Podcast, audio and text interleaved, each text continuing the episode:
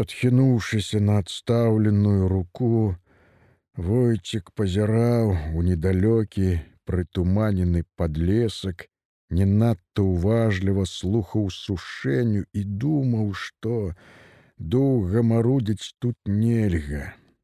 Відаць, гэты чалавек умеў сваёй памяркоўнасцю размякчыць сэрца. Бач, прыпомню ўжо і дзіцёнка, так чаго добрага нядоўга і пашкадаваць яго, А там недалёка застанецца і да апраўдання. Не, трэба канчаць. Вось пяройдуць шашу і сушэнне яму ўжо не спатрэбіцца. Дарогу далей войцік збольшага ведаў, неяк дабярэцца. Бурава трэба будзе дзесь прыхаваць, каб пасля прыехаць па яго на фурманцы. Цяпер холодна, суткі другія пачакае разведчык. Гэта калі камандзір загадае, а можа і не загадае. Атрад мяняе дыслакацыю, пад пушчу наехала карнікаў, Мабыць, цяпер будзе не да забітага бурава. Цямнела, аднак марудна. Белаваты туман хвалямі расплываўся па лесе, асядаў зверху і насоўваўся нізам, з мрокам і сцюжай, ахінаючы голае кустоўе падлеску, цёмнае куп'ё маладых хвоек паблізу. Так давай прыўзняўся на каленях войцік, пярэдзеш, дзе пачакай, я следам. Сушэнне не дужа ахвотна падняўся, Войце крупна памог яму ўзваліць на спіну цела бурава, і той, трохі хістаючыся, павалокся ў падлесак. Як толькі сушэнне схаваўся ў падлеску, на душы ў войціка нядобра зашчымела. Здалося, ён даў прамашку. Нешта ўжо надта ахвотна гэты здраднік нясе на сабе трубурава, паслухмяна выконвае ўсё, што яму скажуць. Мусіць, у гэтым тоіцца нейкая хітрасць, занепакоена думаў войцік, лежачы ніц на імшанніку. Усё ж яго не мог ашукаць той імпэт, з якім сушэнне спрабаваў апраўдацца. На памяці ў войціка ўжо былі выпадкі калі гэтак жа пантанна, а то са слязьмі клядзьбой спрабавалі апраўдацца некаторыя здраднікі ці нямецкія паслугачы. Іншыя ж наадварот, нібы гублялі мову і ўпарта маўчалі. Войцік ведаў, што ў такой справе ўсё залежала ад характару чалавека, паводзіны якога зусім не вызначаюць ступені ягонай віны або невіноўнасці. Ён не ўяўляў, як бы паводзіў сябе сам, калі б незнарок выплыў на свет ягоны леташні выпадак вайноўскім урочышчы, што ледзьве не скончыўся для яго пагібеллю на шчасце не выплыў, і ўсе малавясёлыя драбніцы таго здарэння ён насіў сваёй памяці, глыбока схаваныя на самым споддзе душы. Хаця часам яны і варушыліся там, неспакойныя, апрыкла, і трэба было намаганне, каб прыглушыць пачуццё вінаватасці, улагодзіць развярэджанае сумленне. Напэўна, аднак будзе доўга помніцца яму той світальны золак на пачатку зімы, калі па граскаватым цаліку ён таропка бег з хутара у вайноўскае ўрочышча, дзе яны, трое раённых саўработнікаў, туліліся ў выкапанай на пагорку зямлянцы. Увогуле там было схоўна спакойна і нават утульна, каля напаленай, бляшанай печкі ў кутку. Харч здабывалі па чарзе ў навакольных вёсках ды на рэдкіх уцалелых ад даваеннага зносу хутарах. Таго разу чарга падышла да войціка, ён позняй ноччу прывалокся на гэты адзінокі хутар. Гаспадара хутара, рыжага клімку, яго маўклівую бабу ён ведаў даўно, яшчэ з калектывізацыі, Людзі яны былі неблагія, хоць і не дужа ласкавыя. І менавіта з тае прычыны да іх уладкавалі хворага акружэнца, лейтенанта свірыдава. У адну з чарговых вылазак за харчам, той спярша намок пад дажджом, а пасля падмёрз у мокрым адзенні і неўзабаве захварэў на гарачку. Баючыся за жыццё лейтенанта, яны тыдзень таму прывезлі яго на гэты хутар. Тады войцік адведаў хворага, добра пад'еў, сагрэўся і нават не ўпрыцям задрамаў у цяпле на лаўцы. Але на сваю бяду задрымаў трошкі болей, чым трэба. І калі выйшаў на сцежку, пачало віднець. Ён устрывожана наддаў кроку. Наперадзе ў кустоўе трэба было перайсці дарогу і далей калярова пералескамі прабірацца да іх урочышча.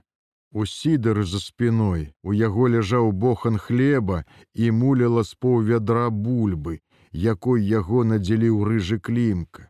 Увогуле небагата, але пакуль што павінна хапіць, думаў войцік, а там сходзіць хто іншы прынясе яшчэ. Людзі ў навакольных паселішчах былі чулыя на чужую бяду і без прынукі дзяліліся ўсім, што мелі самі.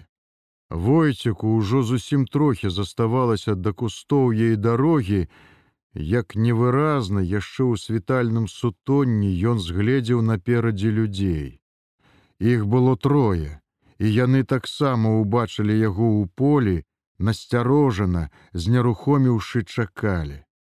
Сэрца ў войціка скаланулася ў грудзях, але ён быццам па інерцыі дробнымі крокамі усё бег па ледзьве прыкметнай у мокрым снезе сцяжынцы. Зброі ў яго не было. За харчам яны заўжды хадзілі без зброі. І цяпер ён затрывожыўся, хто тыя людзі, здалёку было не згледзець, але падышоўшы бліжэй, войцік і зусім азмрачнеў душой. На дарозе чакалі яго трое мужчын з вінтоўкамі. Рабіць, аднак не было чаго, ён пераскочыў канаву і апынуўся насупраць. Адзін з іх груба спытаўся: куды, пасля адкуль. Двое іншых аблапілі за спіной яго сідар, садралі з плячэй вераўчаныя почапкі. Войцек зразумеў, што апраўдывацца было бескарысна, тым больш, што тыя ўжо аблаілі яго бандзіком і пачалі дапытвацца, дзе ўзяў прадукты. Усё ж войцік паспрабаваў выкруціцца, сказаў, што не ведае дзе, маўляў, завітаў да незнаёмага чалавека і попрасіў. Пасля недоўгае лаянкі тыя загадалі зараз жа паказаць хату гэтага незнаёмага. І рулі зараджанай вінтоўкі балюча піхнулі яго між лапатак у спіну. Рабіць не было чаго. Войцік павярнуў на праклятую сцяжынку, якая гэтак па-здрадніцку завяла яго ў пастку.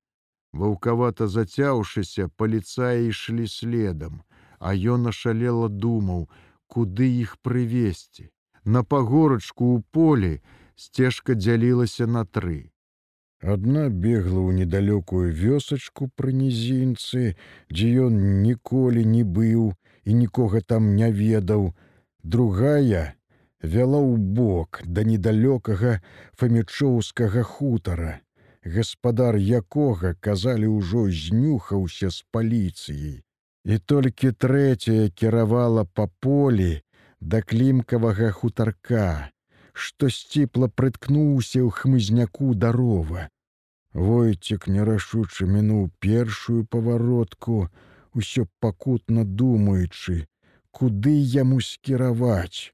Вельмі яму не хацелася весці іх да клімкі, дзе выкашліваў хворыя лёгкія, феддзя свірыдаў, але куды ж яшчэ ён мог павесці. Фамічоўскі хутар адпадаў стае прычыны, што гэтыя самі там маглі начаваць сёння, значыць, толькі да клімкі. І ён прайшоў паўз і другой павароткі. Цяпер ужо выбару у яго не заставалася, і ён усё з большай пакутай уяўляў, што будзе далей. Але што ён мог зрабіць? Ён толькі прымарудзіў крок, каб як мага надаўжэй расцягнуць гэты апошні кіламетр шляху. Але як ён яго не расцягваў, усё ж яны апынуліся нарэшце на клімкавым падворку і паліцаі сунуліся ў дзверы. Дзверы, аднак былі зачынены. Паліцаі пачалі стукаць, гучна патрабуючы адчыніць, і тады за дзвярыма грукнула разам тры ці чатыры стрэлы. Адзін паліцай выпусціў з рук вінтоўку, да яго кінуўся другі, а трэці, разбіўшы прыкладам акно, кінуў у хату гранату.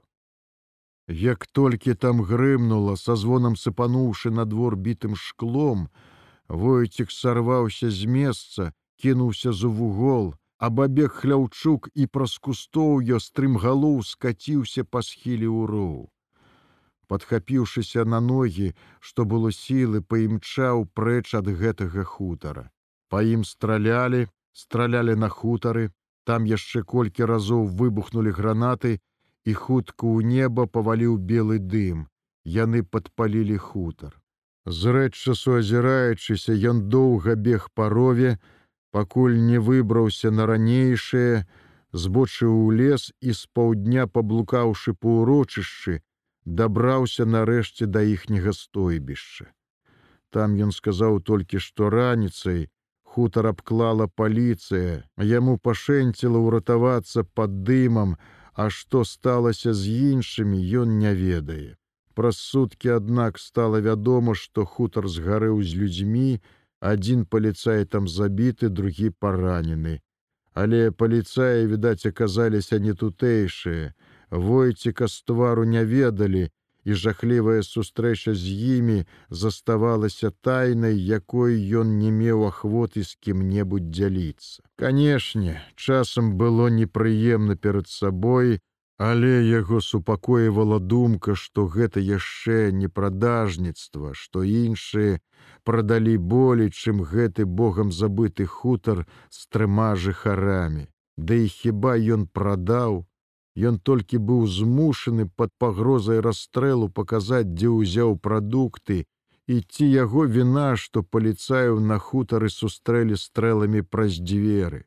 Усяго кантакту з паліцыяй у яго было якіх паўгадзіны ці гадзіна часу, але і таго хапіла, каб пагубіць трох чалавек. Сушэнне ж праседзеў два тыдні ў СД і яшчэ наважваецца хлусіць, што не здаўся, выстаяў, не скарыўся.